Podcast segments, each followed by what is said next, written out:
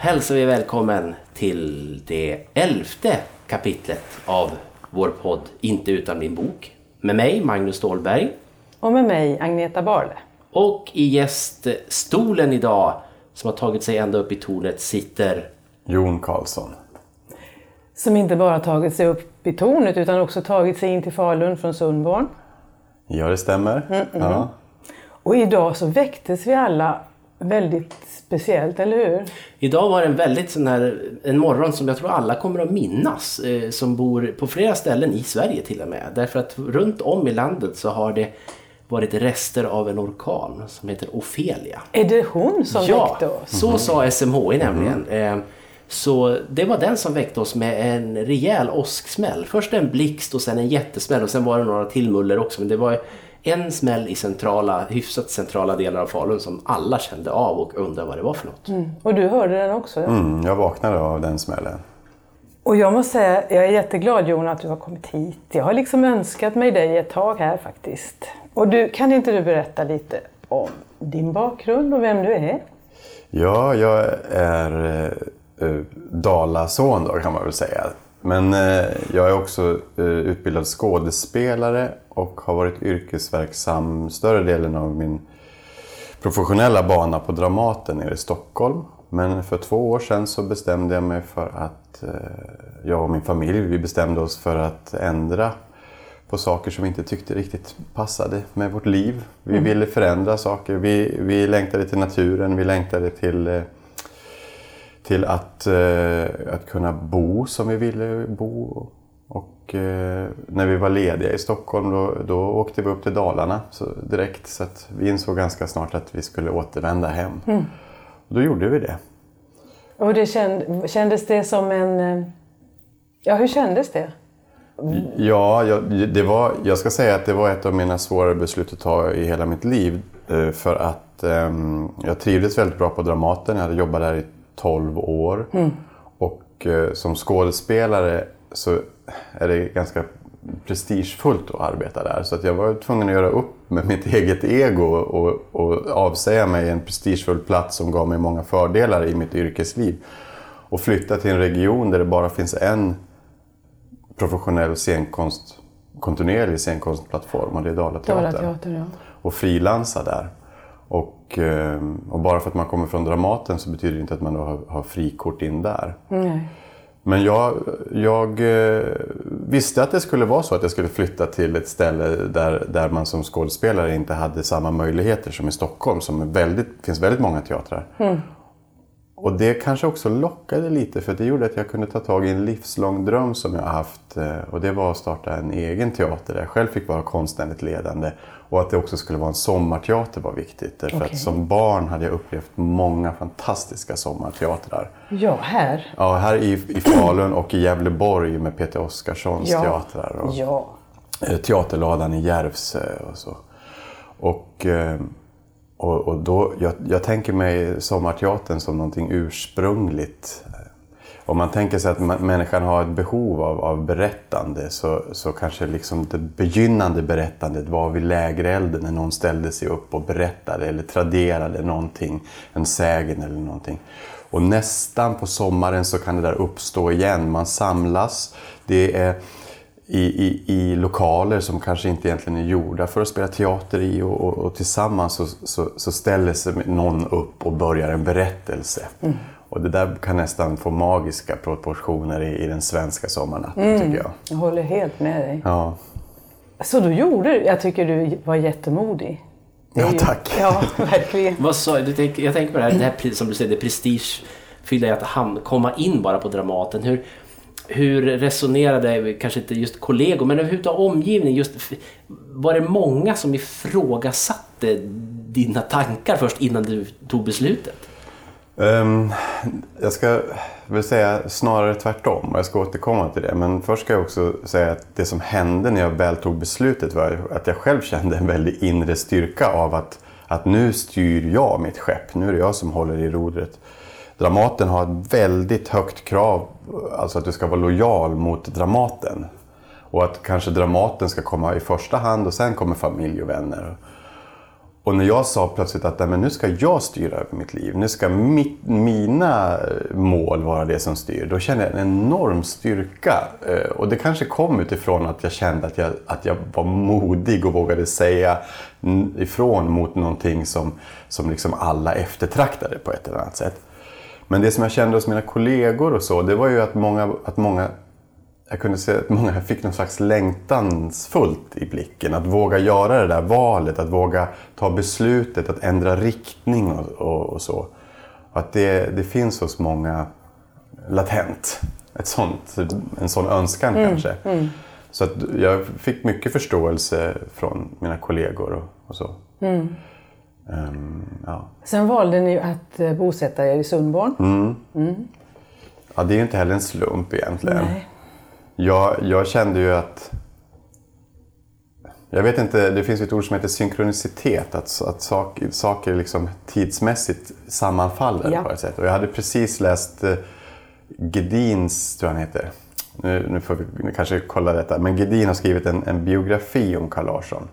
Som heter Jag är Carl Larsson. Jo, men det, den, jag har den nere på mitt kontor här. Ja. Nedanför tornet Precis, faktiskt. Ja. Och jag läste den. Och sen så kom det här huset upp. Och sen så tänkte jag att om det är någonstans man ska starta den här sommarteatern i Dalarna så är det i Sundborn som har sin, redan har sin kulturella gravitation. Och, och man får prata i någon slags marknadsmässiga termer, en slags, ett slags varumärke. Sundborn. Ja, det är starkt. Mm. Det är det. Mm. mm. Så det var ingen... Och har Sundborn öppnat upp dörrarna för er då? Ja, verkligen. Och eh, jag kan ju ha, jag, om det är någonting som jag kan vara lite rädd för Eh, så är det jantelagen. Att det ska finnas eh, tankar hos folk. Att vem tror du att du är? Komma hit och, eller, och, och så vidare. Men, men den, det gick helt på skam, mina farhågor om någonting sånt. För det har varit otroligt öppet och en välvilja hos, hos folket som bor i Sundbornsby. Och hjälpa till på alla möjliga tänkbara mm, sätt. Kul. Hemskt kul. Mm. Din teater, Sundborns teater, har satt upp är det två föreställningar. Mm. Förra som, eh, nu i somras var det Molière. Ja. Don Juan, hette han så? Ja. ja. Och året dessförinnan var det? Strindberg och en pjäs som heter Paria. Just det, den mm. jag såg.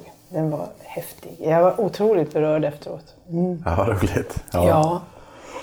Får jag fråga dig, vad, vad, var det som gjorde att du valde just Hjärnornas kamp av Strindberg som mm. första pjäs?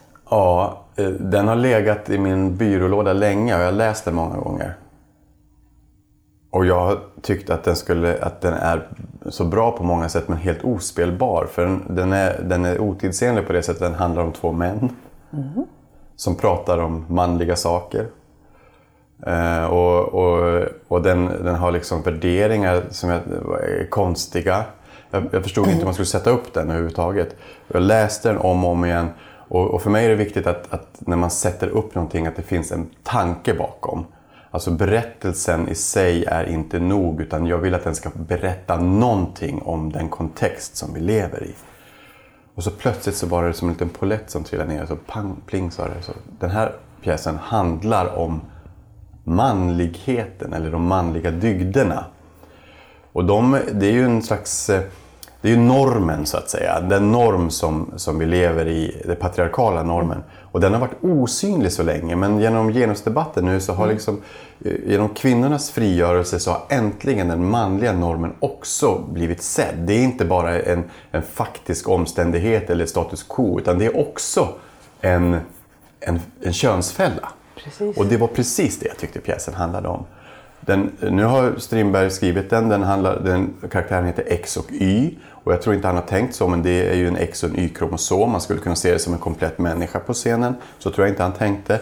Men den ena människan är den rationella mannen. Mannen som, som är klartänkt, hård, våldsverkar också, för han har dödat en annan människa. Den andra människan är den, den, den fege förfalskaren, den mjuke personen, alltså som får bära kvinnliga och icke-manliga gåvor. Och sen så gör de upp med varandra. Och Strindberg har ju skrivit in sig själv i den rationella mannen. För under den här tiden så låg han i fejd med någon, eh, såklart, i vanlig ordning. Och ville nedgöra den andra mannen. Men det som gör Strindberg så fantastisk i hans författande är ju att, att han, om det hade varit en idépjäs där han nedgjorde någon fiende så hade det inte fungerat. Utan den andra karaktären börjar växa och ta kraft. Och det blir två riktiga människor. Som på något sätt slåss för sin överlevnad i det här. Och, eh, ja, och då tyckte jag plötsligt att det blev en otroligt aktuell pjäs. Och vi la ju också till och gjorde om det så det blev som en boxningsmatch nästan ett sportreferat som gick till. Och, där, och karaktären också fick förklara sig vid sidan om lite grann. Och så. Precis. Ehm, ja, nej men så att den, ehm, den, den, det blev, när jag presenterade den för Mattias som var den andra skådespelaren i pjäsen. Så sa jag så här, Mattias jag, jag har en helt ospelbar pjäs, jag har ingen lokal och jag kan inte ge dig något betalt just nu. Vill du vara med? Och han sa ja. Så, han, så, och, Så ska det Ja. vara. Vet du. Ja, det är jättebra. Och jag menar, det temat som du diskuterar nu, det är ju så, så aktuellt. Och just att behovet av att män också möts och samtalar med varandra om rik- viktiga saker.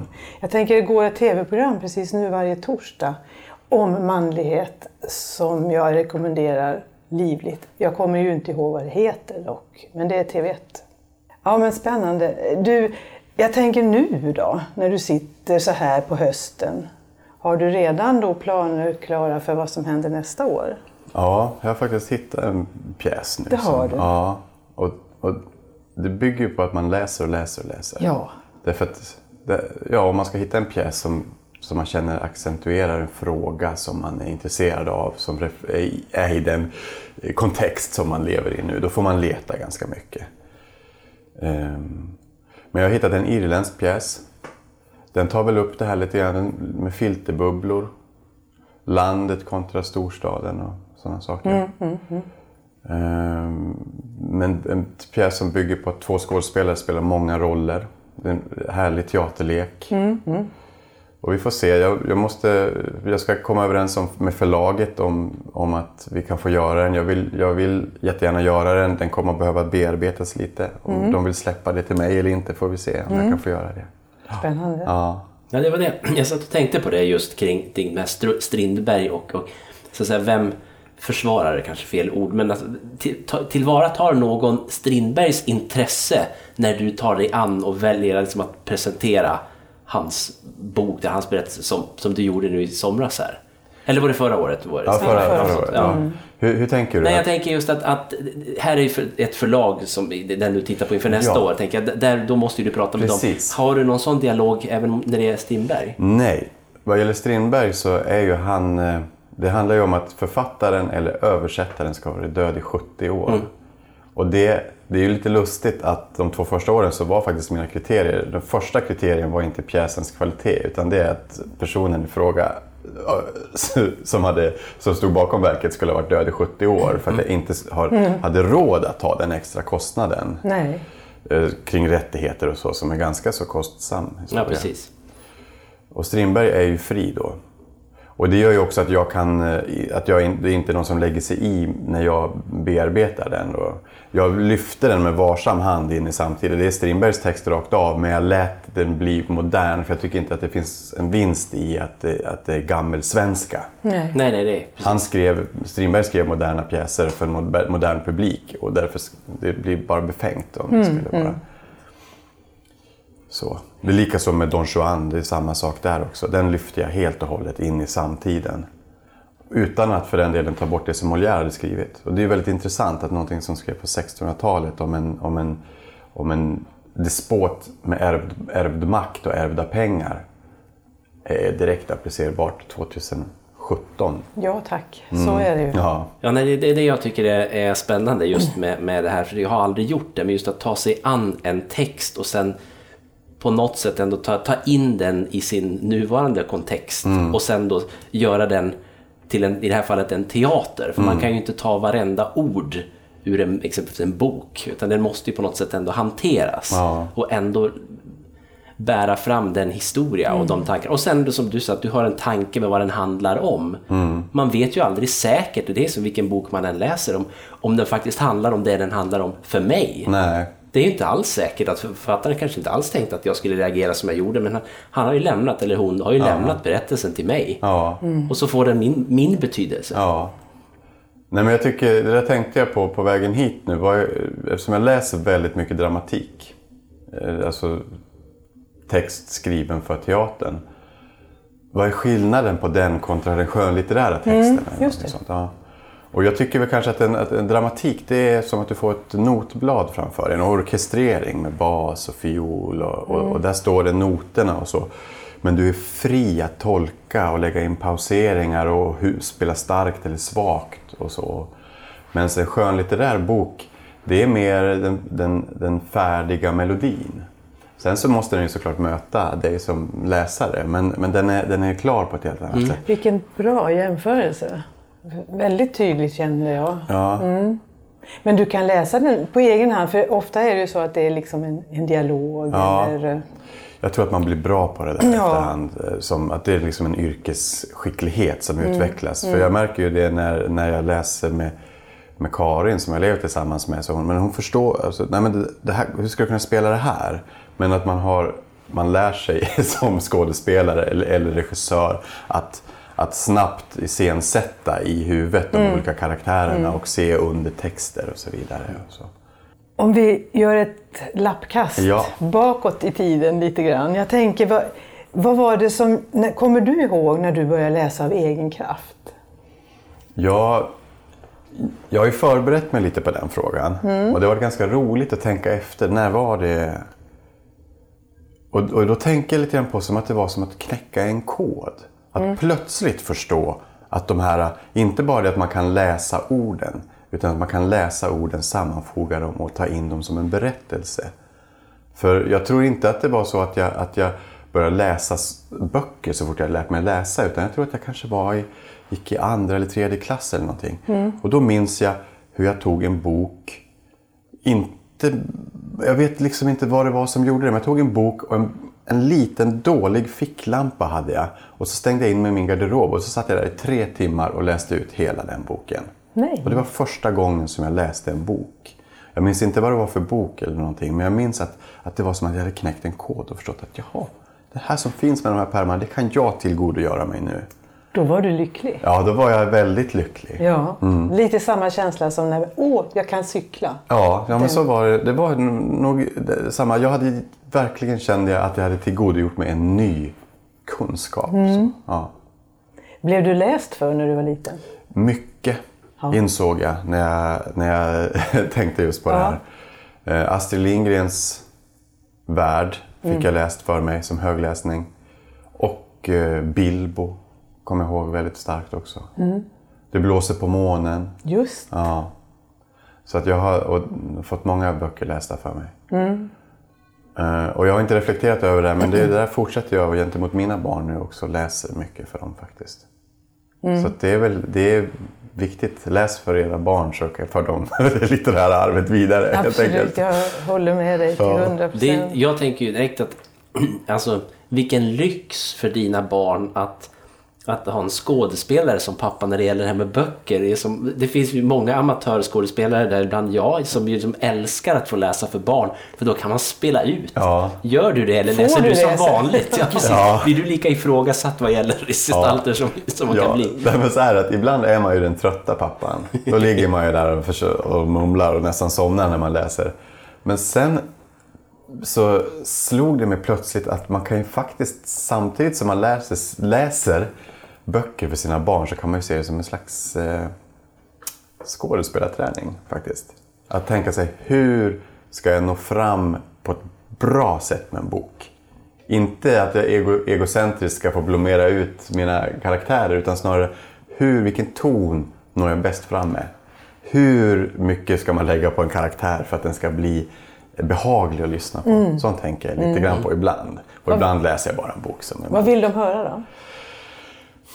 Ja, eh, de utsätts ju för mycket. Nej men, nej, men vad vill de höra? Jag tycker att det är viktigt att eh, i vanlig ordning förstå vad man säger och att ha tydliga bilder när man läser. Så att man, så att man, läs, så att man inte... Eh, man, tanken ska vara med i bild. I, i, och tanke och bild ska vara med när man läser. Så upplever jag det som. Och att karaktärerna ska inte vara överdrivna för deras egen skull utan för att ge berättelsen ett värde. att kanske skilja dem åt från varandra eller ge dem en, en ton eller en karaktär. Så tänker jag. Har du någon eh, som du tycker bra barnbok just nu? Det var ju en bra fråga. Alltså just nu är det ju mycket kombinationer av, av bilder och text som vi läser. Ja. Nej, jag, jag kan inte komma på något på rak arm. Det, det, det är ett ständigt flöde som pågår där hemma med böcker. Och det, vi har ingen favorit som är återkommande. Det, som, ja, det som är favoriter återkommande är lite såna här faktaböcker om dinosaurier och, och rymden och sånt där. Som kan återkomma. Och det är ju det är också en... Det är ganska lustigt. hur- Det är som att alla unga måste igenom en sån fas. Eller hur? Ja. Ja. Nej men du, eh, jag tänker på, vad föredrar du då? Tryckta böcker eller lyssnar du på böcker eller eh, har du dem i paddan eller vad gör? Tryckta böcker föredrar jag. Jag vill att det ska vara en bok som jag håller i. Jag har läst en bok på paddan och det, det, det blev inte riktigt så bra för mig. Eller jag fick det inte att fungera riktigt. Jag behöver den där boken faktiskt. Sen om det är en pocket eller inbunden, det har jag ingen större Nej. Åsikt om. Men vad, du är alltså småbarnspappa eller förälder. Eh, Får du tid över till egen läsning? Ehm, ja, alltså den, den skulle man ju kunna se. Det blir när jag, när jag själv lägger mig som jag läser lite grann. Då. Och, ehm, Och då är det inte det som du letar efter att du ska sätta upp som pjäs utan då är Nej, det... då är det, det, jag- det jag letar efter att sätta upp som pjäs, det läser jag dagtid. Som kontorstid helt Ja, enkelt. okej. Ja. Men, eh, men jag tycker att det finns... Det, jag är utsatt för teknikens lockelse. Jag har lätt att ligga och slösurfa som det heter och så. Eh, Och det tar, tar ju tid från att kanske läsa en bok, vilket jag eh, tycker känns mycket nyttigare. Det känns som socker och, och råkost. Alltså, tillfredsställelsen efteråt är så mycket bättre av att läsa boken kontra det här surfandet som är någon konstig, ja, icke tillfredsställande i slutändan. Som ändå triggar och en, Ja. på något märkligt vis. Ja. Mm. Mer bortkastad tid. sätt. Jag, jag faktiskt håller på att läsa en bok om det just nu som är skriven av en kvinna som heter Sherry Turkle som heter eh, Tillbaka till samtalet. Hon är en amerikansk forskare som har forskat på ämnet barn och teknik tror jag, och informationsteknik under många, många år. Och den här boken handlar om att återerövra samtalet. Och inte bara samtalet mellan människor utan samtalet också det inre samtalet. Som hon hävdar blockeras helt av att vi så fort vi får bli liksom stillasittande eller trå, får tråkigt, då kopplar vi på skärmen. Så det inre samtalet har slutat existera.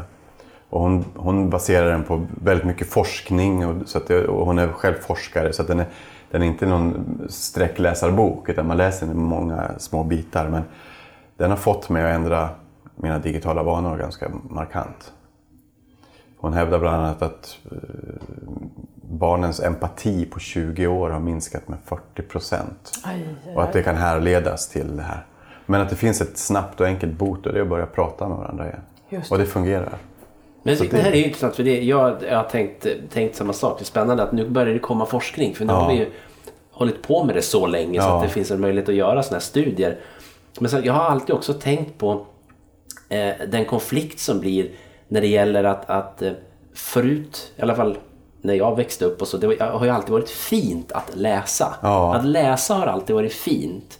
Men sen nu när vi har börjat läsa elektroniskt Ja. så har det kommit in en slags ful läsning också, det här begreppet paddnacke till exempel. Som, som, det har ju aldrig funnits boknacke, man har ju aldrig liksom velat lyfta fram det som ett problem i samhälet att folk läser så. Man kunde bli förläst. Ja, det, det kunde man. Ja, Det det, jag. har, det har jag aldrig varit med Nej, om. men- jag var ju eh, äldre än vad Ja. du är och jag vet att det var en, fanns Det var en sån viss- debatt också. Som vissa Ja. påstår. Och jag, jag ty- tycker mig också ha läst någon gång att liksom långt tillbaks i tiden så, var, så, kunde, de- så såg vissa det som ett, boken som ett hot också. Men, men, och jag måste också säga det att bara för att jag föredrar bok på papper så innebär inte det att jag tycker att bok på padda är dåligt. Nej. Alla böcker är bra tycker jag så att säga. Eh, Det är snarare den här Facebook-fällan eller sånt som jag själv känner att jag inte mår bra av. Nej. Och sen, sen så vill jag igen inte rikta några pekpinnar mot andra men, men att eh, jag tror att, att jag, känner den är, jag känner att kreativitet är direkt kopplat med att min hjärna har tråkigt. Då föds idéer, då föds tankar, då föds det... Liksom. Precis så. Och det är samma med barn. Va? Åh, jag har så tråkigt. Ha det, så kommer det någonting. Och jag tänker på det här med närvaro också, eller frånvaro. Att man upplever sig... Om man sitter som förälder med den här mobilen så är det ju en väldigt... Ja, då är du frånvarande fast du finns där. Men så tänker jag på när jag läser Alfons Åberg. Hans pappa till exempel, han sitter ju väldigt mycket med sin tidning. Och det är lite samma grej. va? Vi tar upp tidningen och så, så ser man inte sitt barn längre. Nej. Så att se, möta blicken och ta ett samtal istället. Det, Ja. Jag, var, jag, måste, jag måste kolla upp henne för det där tyckte jag lät...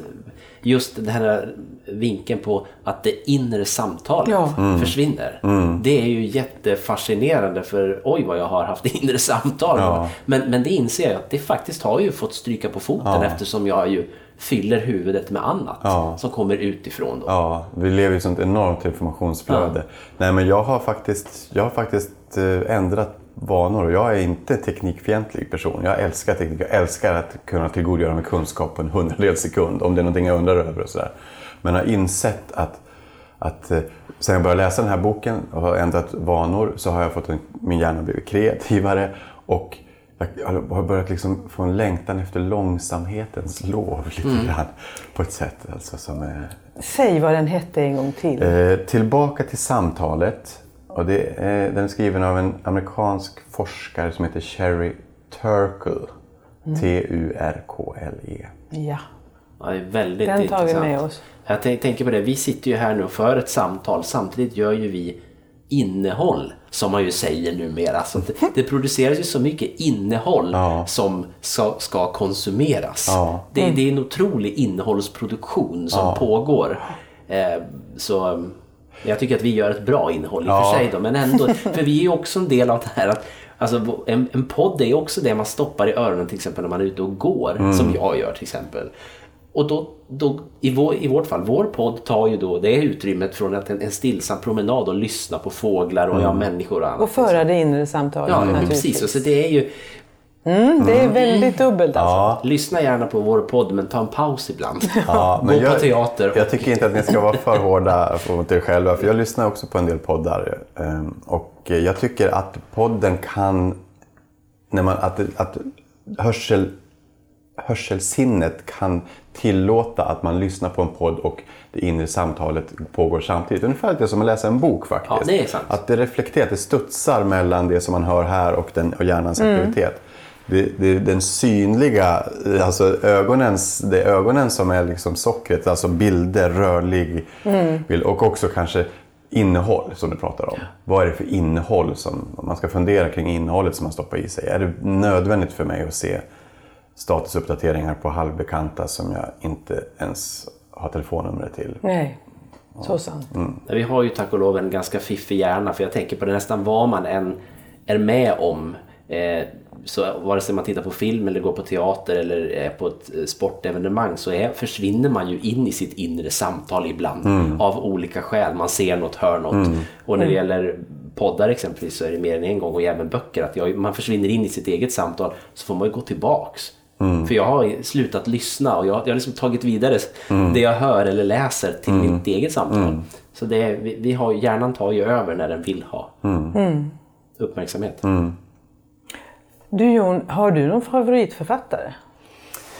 Ehm, just för tillfället har jag inte någon favoritförfattare. Jag har haft... ehm, eller ja, hur ska man säga där? Kan man kanske säga att man har fler favoritförfattare? va? Kan man?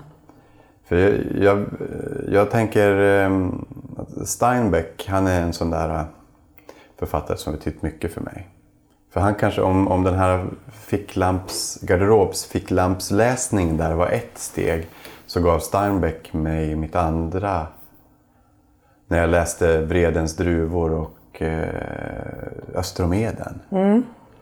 Hans språk och hans sätt att försätta mig, liksom hans, bild, att han, han, hans bilder är så starka så han försätter mig alltså i, i, en, i, i ett Amerika under depressionen. Det är helt fantastiskt hur han kan skriva Hur han det. kan förflytta Ja. en så. Ja. Mm. Och, och jag jobbade lite med hans text här nu för några dagar sedan bara för att använda det som ett inläst för att jag skulle lämna ett röstprov och då ville jag ha en bra text att läsa. Och då läste jag den för högläsning. Och allting passar inte till högläsning men hans passar till högläsning. Och med enkla medel så bygger han upp en miljö för, som han förflyttas in i. Alltså det är nästan filmiskt.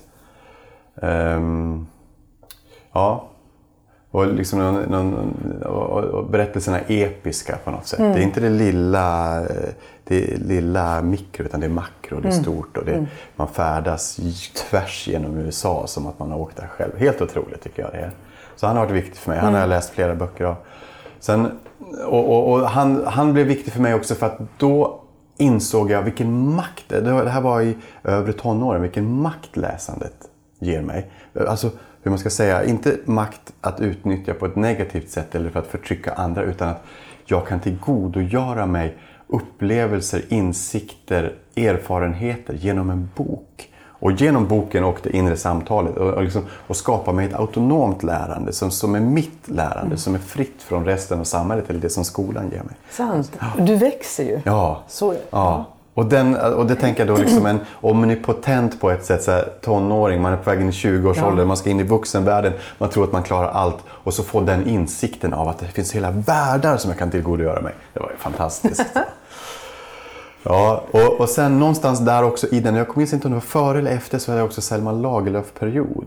Och det vet jag många unga herrar som har haft. Det säger. Ja, jag har, in, jag har liksom Ja. inte träffat unga kvinnor på samma sätt. Eller som, mm, kvinnor som på samma sätt har beskrivit sina Selma Lagerlöf-perioder. Som jag har träffat eh, killar som i ton, övre tonåren eller så har läst Gösta Berlings saga och blev helt betagen av Selma Lagerlöf. Jag blev det och läste väldigt mycket böcker av henne ett tag.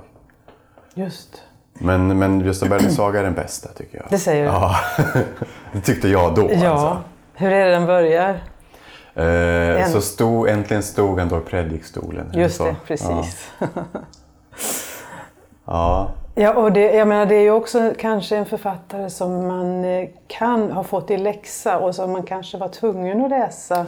ja. Sådana författare finns det ju också. Ja. Så man liksom, jag har ju till exempel en mycket speciell relation till Röd Orm. Jag tycker, åh suck. Ja. Men jag skulle kunna tänka mig att den är antagligen väldigt bra. Men eh, nej, den har fått läxstämpel på Ja. sig. Liksom. Nej, jag tror att det var så att den här Selma Lagerlöf, Gösta Berlings saga kan ha varit en läxa som jag inte gjorde. Nej, just det. Så kan det vara. Och så, Och sen så låg den där ändå, så då tog jag upp den och började läsa den efteråt. och då. Då, då blev det. Ja, vad bra. Ja. Har du förresten läst eh, Ishiguro, alltså nya nobelpristagaren? ja, men det var länge sedan. Och jag kommer inte ihåg vad boken heter, men det är den som handlar om, jag nu hoppas att det är han som har skrivit den, som handlar om de här eh, människorna som, som växer upp som organdonatorer. Never let me go. Never let me go. Och den var en väldigt stark upplevelse. Den, den finns kvar i mig fortfarande. Eh, som som liksom bilder från den som bubblar upp ibland. Just med det tillståndet av att leva. I, att vara en människa som... som att vara en annan mä- människas genetiska avbild Ja. för ett organ. Mycket speciellt.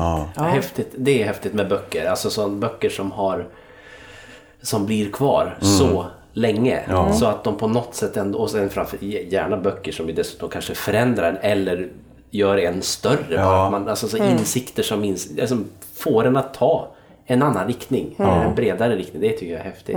Ja. Och sen vissa böcker som man glömmer bort fast de var bra men som bara försvinner. Ja. Om man bara har en sorts känsla att ja, men den där tyckte jag om, men inte mer än så. Liksom.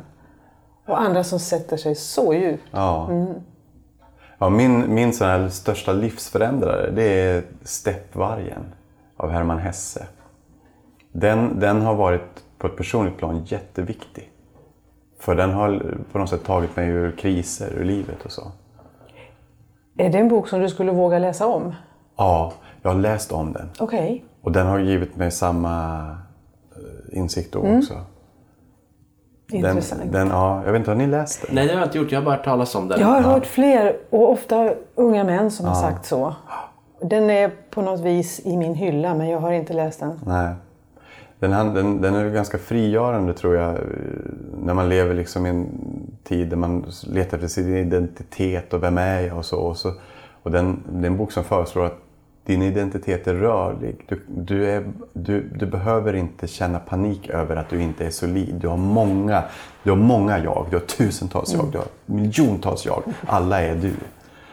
Eh, och, och, det har varit, och det var då väldigt frigörande för en person som jag var då som, som liksom klamrade mig vid någon slags idé eller visste inte vem jag var eller, eller så. Att få veta att ja, men ibland vaknar man upp och, och är den och ibland vaknar man upp och är den. Och det är inte fel. Att, Det är ganska betryggande Ja. någonstans. att, att, att när är en period där man kanske kan bli rädd för sina egna tankar eller saker som pockar. Och så, det är väl- du säger, nej, men tillåt det bara. Ja. Låt det vara där bara. Okej. Det är inte farligt på något vis. Så upplevde jag, så, så hjälpte den mig. Det har varit väldigt viktigt för mig. Då. Känslan av att inte vara ensam med det man upplever är ju väldigt bra. Ja. När man inte är säker på vad det är man upplever för någonting. Sen vill man ju vara unik också, men just det där är häftigt. Ja. Ja. Alltså för mig var den frigörande. Spännande. Jaha. Jag ska ta fram den känner jag. Eh, jag, bara, jag tänker för min egen del så var det en bok som hette Kvinnorummet som var en sån fullständig vägdelare för mig. Då var jag nybliven småbarnsmamma och läste den boken och kände ja visst ja, så här är det faktiskt. Men den har jag inte vågat läsa om. Nej. Den bara står där och skimrar Ja. på något vis. Ja. Mm. Har, du några, vad, har du några bra boktips annars då? Eh, alltså, om jag, om jag ska, ska man få liksom välja ut som ett boktips? Det är Mm. Nej, du får gärna ta flera. Vi kan ju säga det här att, att eh, vi ser ju att det ligger mer än en bok Ja, här. ja men, jag har, jag, men det, det var lite mer bara för att jag kände att jag skulle så här fysiskt. Jag, jag plockade snabbt ihop lite böcker som jag...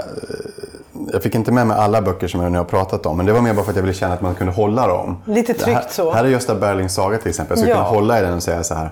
Och till exempel titta då. Vad, vad, vad, är, första, Ja, vad är första inledningsordet där? för det är viktigt. Äntligen stod prästen på predikstolen.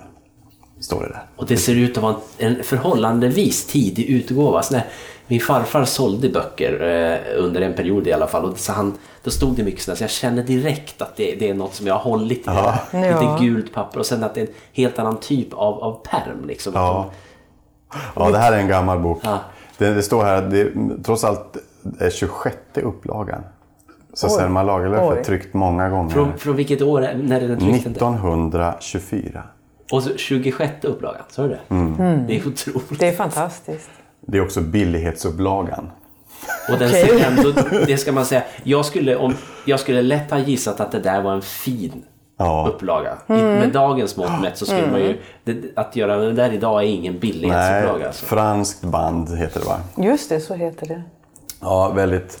Och det är också ett bra exempel på en bok. Jag tänker på det här med första mening. Hur viktig den är, tycker jag. Ja. Många gånger. Så eh, jag väljer ofta utifrån första meningen. Nej, men sen så har jag en annan bok här som, heter, som är en lite modernare bok. Då. Lina Wolfs De polygotta älskarna. Och, och anledningen till att jag har läst den, det är för att jag faktiskt är med i en bokklubb sedan eh, ett halvår tillbaks. Hur funkar den då? Vi, lä, vi ses var tredje månad. Ja. En eh, i sällskapet väljer en bok som vi läser och så ses vi hemma hos han som har, läst, som har valt boken och så diskuterar vi den. Hur många är ni? Vi är eh, fem stycken, Både män och kvinnor? bara män. Snyggt En liten jobbat! mansklubb är det. vad trevligt! Och det är, det är eh, det som jag framförallt eh, har lärt mig att älska med den är samtalen som sker vid borden. Och det var någon som sa till mig att, att, att svenskar, vi behöver forum för att samtala djupt. Som kanske nu till exempel. Nu här har vi ett forum där vi kan sitta och, och fördjupa oss lite grann. Och en bokklubb är ett annat sånt forum där man kan få fördjupa sig och diskutera saker. Så det är väldigt kul. Vi är många, det är människor från, från olika bakgrund och olika utbildning som sitter tillsammans och, och diskuterar. Så läckert. Ja. Är det den ni läste senast? Nej, eller det är inte den vi läste senast. Men, men jag tog med den ändå därför att jag tycker att det, det är roligt med lite, lite, att man inte bara kommer med gamla klassiker här. Just, det, att den, ja. just för dig är den lite överhängande kände jag. Ja, och att den här också, den är spännande och rolig och, och, och den kanske, den, den ligger kanske mer som en bordun i bakgrunden och darrar mer än att jag kommer ihåg exakt vad den handlar om. Men att det liksom, det är som en stämningsbok. Mm. Så det är liksom en ton i mitt inre på något Och sätt. där har du ett språk också. Ja, jag tycker ja, hon har ett, ja. en rytm och ett sätt att skriva som är helt betagande. Ja, nej, men så den, den är ju ett, ett lästips. Men sen ska jag göra en liten oortodox sak här. Mm. Jag skulle vilja tipsa om den här boken Nya Norrland. Som är en serieroman av Mats Jonsson. Mm, vad spännande. Kul! Det här är en av mina starkare läsupplevelser på senare år faktiskt. Den är en dokumentärroman som handlar om, om att vara från landet och flytta till storstan och den konflikt som råder däremellan. Och att återbesöka sin gamla hemort och se hur den avvecklas. En bruksbygd i det här fallet som, som efter att bruket då har effektiviserats eller lagts ner bara behöver kanske två yrkesverksamma istället för de många hundra som den gång varit. Så de här blomstrande brukssamhällena som fanns med butiksgator och, och bruks, eh, eh, bruk som tog hand om sina, sina anställda och byggde, byggde Skolor. skolor och eh, kulturhus och sånt. Till att bli totalt avfolkade och, och, och förlora någon slags... Det är som att städerna förlorar, de orterna förlorar en mening. De förlorar sin självbild också. Ja. Och då, det står i den bjärta kontrasten till den, en storstadsmänniska som han har blivit. eh, Och, ja, den är fantastisk tycker jag. Och visst är det så, han har inte valt att flytta hem igen utan han är kvar i Stockholm. Han är kvar i Stockholm. Ja, ja. Och han skriver den här boken. Nej, den, den är, men det är också för att jag tänker mycket på det. Jag, tänk, jag tänker jättemycket på filterbubblor. Jag tänker jättemycket på, på, på storstad kontra eh, landsbygd eller periferi och eh, även ja, småstads. Sen jag flyttade hit. Det är för att jag ingår i en ny filterbubbla nu helt klart. Men det är intressant att se. Vad är det som rapporteras om? Vad är det vi tror Sverige är för någonting? Det som rapporteras om det är det som våra riksmedia rapporterar om det är Stockholm och kanske i Malmö och kanske Göteborg. Därför att där, där har de sina kontor och de har inte råd att skicka ut några i landet. Nej, så är det. Och då tror hela Sverige att det är så det fungerar. Att det som är värt något är i storstäderna. Och det som och landsbygden tappar på något sätt självförtroendet. Och det där vill jag förändra. Det är en av mina anledningar. Jag tycker att det, det är liksom min teater. Jag säger så här, men vi ska vara bäst i Sverige. Vi ska ha den bästa teatern i Sverige. Och det handlar inte om, det ska inte, det ska inte vara avhängigt av ett geografiskt läge var man kan få se professionell kultur eller vad man kan njuta av. Och, och nu är det dags att pengarna från Statens kulturråd kommer ut i landet. Ja. Och det har de gjort nu också. För Statens kulturråd har gett oss pengar och de har det på sin agenda. Och de vet och själv börjar se problemet. Så, och, Mm. så att jag säger till alla som bor i den så kallade periferin, eller man har ju hört mycket fula öknamn den senaste tiden på det. Så alltså, tänk istället för att ha, komma med någon sån underdog-känsla, så tänk att ni är världens grymmaste människor och att, ni, och att när ni gör saker så gör ni det bättre eller minst lika bra som, som någon som bor i en storstad. Lät så bra. Jag, blir, åh, jag vill liksom ta den direkt och börja Ja. läsa den. Och det, den är alltså uteslutande en, en serieroman. Alltså Ja. det, det är illustrerat varenda... Ja. Ja. Det är ju... Oj, vad häftigt. Gör han, gör han allt själv? Ja, det gör han. Oj, den är rätt mastig. Alltså det Ja. är, vilken grej att- att skriva en... Han var i, i Babel för inte så länge sedan. Nej, kanske precis. två, tre veckor sedan. En väldigt sympatisk kille. Mm. Det var hemskt kul att lyssna på honom. Ja. Nej, den, är, den är jättefin. Det här är en reportagebok ska man säga. Ja. Den, den är snarare en reportagebok än en skönlitterär bok. Men, men genom seriens kraft så blir den ju väldigt också eh, bildligt kraftfull. Alltså man, man, man, man, man får en relation till, till boll, eh, Bollsta bruk. Man får en relation till telefonplan där han rör sig. Och så. Du vill åka till Bollstabruk? Kanske? Ja, alltså jag hade en vän som, som på besök eh, som eh, berättade att jag läste. Han bor där uppe så han skickade bilder från Bollstabruk. Nej, men just att vi befinner oss i periferin, vi är ju ändå ganska många. Vi, ja, vi kan verkligen. Det låter hugnesamt tycker jag. Ja. Eh, ja, hörni. Vad nu? Ja, men jag tänker så här. Nu har vi fått otroligt Ja. många tips här från Jon. Men du och jag brukar ju alltid också vaska fram något ur våra... Ska vi klämma till med ett litet boktips eller två då? Det känns nästan som att vi hade fått, men jag... får, ja, Man kan aldrig få för många Nej. Vi tar ett till. Ja. Men innan dess så vill jag säga att innan, när jag, nu kommer jag att prata om en sorglig bok och jag behöver akut tips på någonting roligt. Så hjälp, fundera på det så ska jag berätta om vad jag har läst nu precis. Det är en bok som heter Den sista resan av Jenny Diski. Och jag har pratat om Diski tidigare, åtminstone med, ja, jag har sagt att det, det här är en författare ni ska läsa. Hon är en eh, person som egentligen mest reser inuti sig själv, på tal om det vi pratade om innan. Och hon är mycket, mycket motvillig men hon, att resa ut, ut i världen, men hon har lik förbannat gjort det. Hon har varit på Antarktis, hon har rest över hela USA med tåg och beskriver då sin motvilja mot att resa men också sitt inre och, och jämför med vad hon upplever utifrån. Nu, för ett år sedan drabbades hon av en svår cancer, lungcancer och även fibros. Så att hon får ett eh, besked att hon har två till tre år kvar av sitt liv. Och eh, det här är en kvinna som är... Det är inte den duktiga flickan utan det här är den besvärliga tjejen som har varit det i hela sitt liv egentligen. Oerhört skärpt, väldigt rolig. Men ack vad hon har fått strida i sitt liv. Hon har haft en stentuff uppväxt med föräldrar som inte har kunnat ta hand om henne. Och vad som kommer fram i den här boken, förutom naturligtvis den otroligt sorgliga resan mot hennes livsslut, så, är det, så kommer det fram att hon har varit inneboende hos Doris Lessing i massor av år. Från det hon var 15 år och sen har hon alltid haft en kon ständig kontakt med henne. Även om Lessing körde ut henne efter fyra år, för hon stod inte ut med henne, så har hon ändå haft kvar sin relation. Och det har gjort, hon har öppnat en helt ny värld. Jätteintressant bok. Men sorglig. Mm.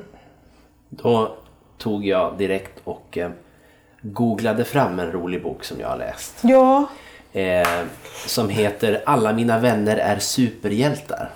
av Andrew Kaufman. Som är en liten bok om, om Tom. Eh, och jag ska läsa till bara kort så får man en introduktion där. Att alla Toms vänner är superhjältar med olika superkrafter. Tom har till och med gift sig med en superhjälte, perfektionisten. Men på deras bröllop blir perfektionisten hypnotiserad av sin ex, Hypno. Att tro att Tom är osynlig. Inget han gör kan få henne att se honom.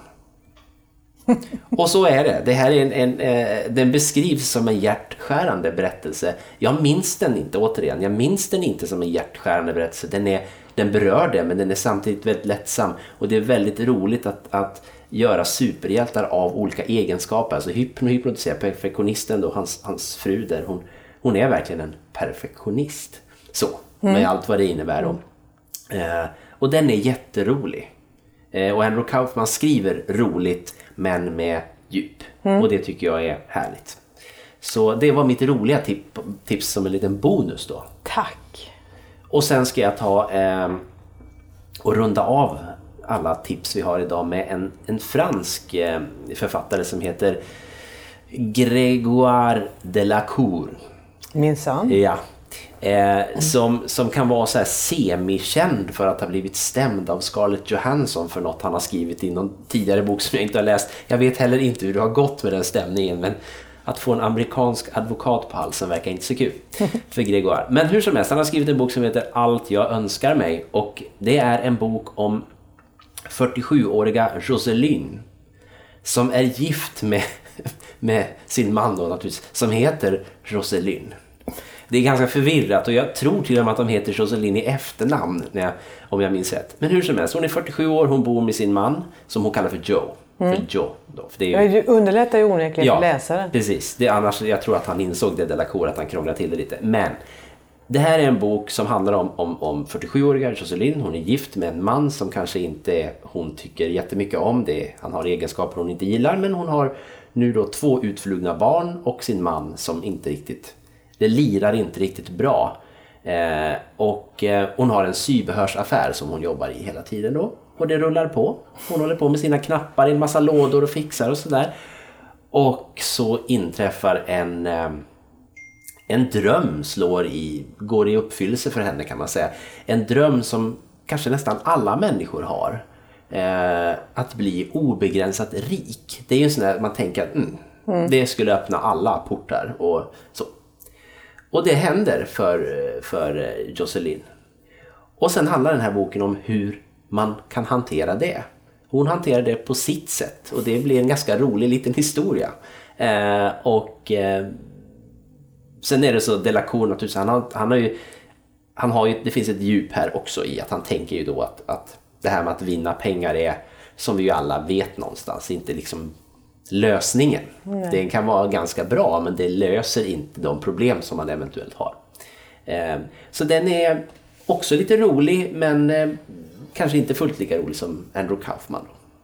Den heter alltså Allt jag önskar mig av Grégoire Delacour.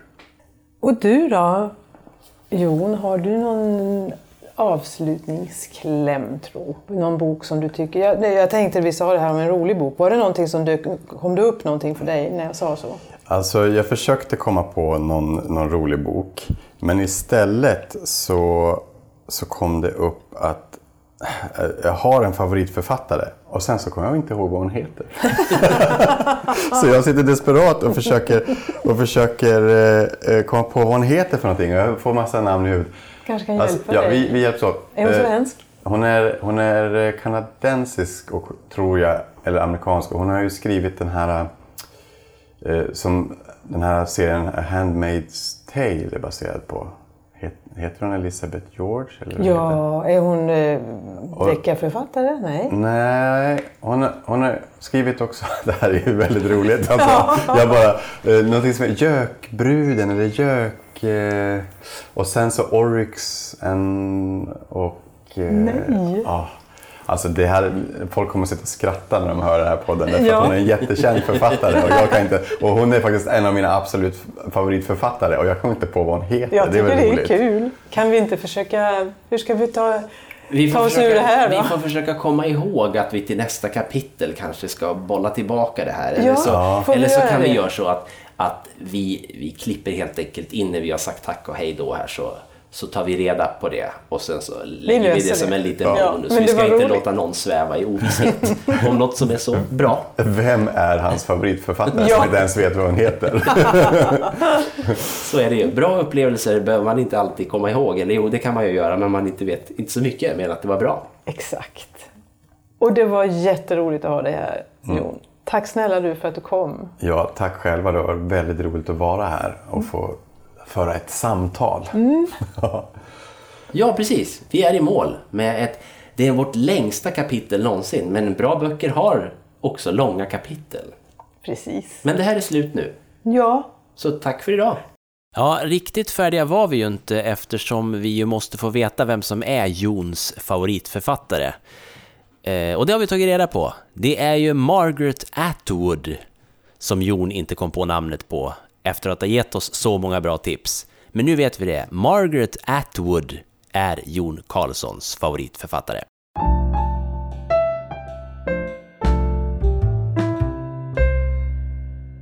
Du har lyssnat på ett avsnitt av podden Inte utan min bok som produceras av Magnus Stålberg och Agneta Bale. Mer information om avsnitten hittar du på skrattpiller.se inte utan min bok. Vi finns också på Facebook där vi heter Inte utan min bok och på Twitter också. Även där heter vi Inte utan min bok. Tack för att du lyssnade!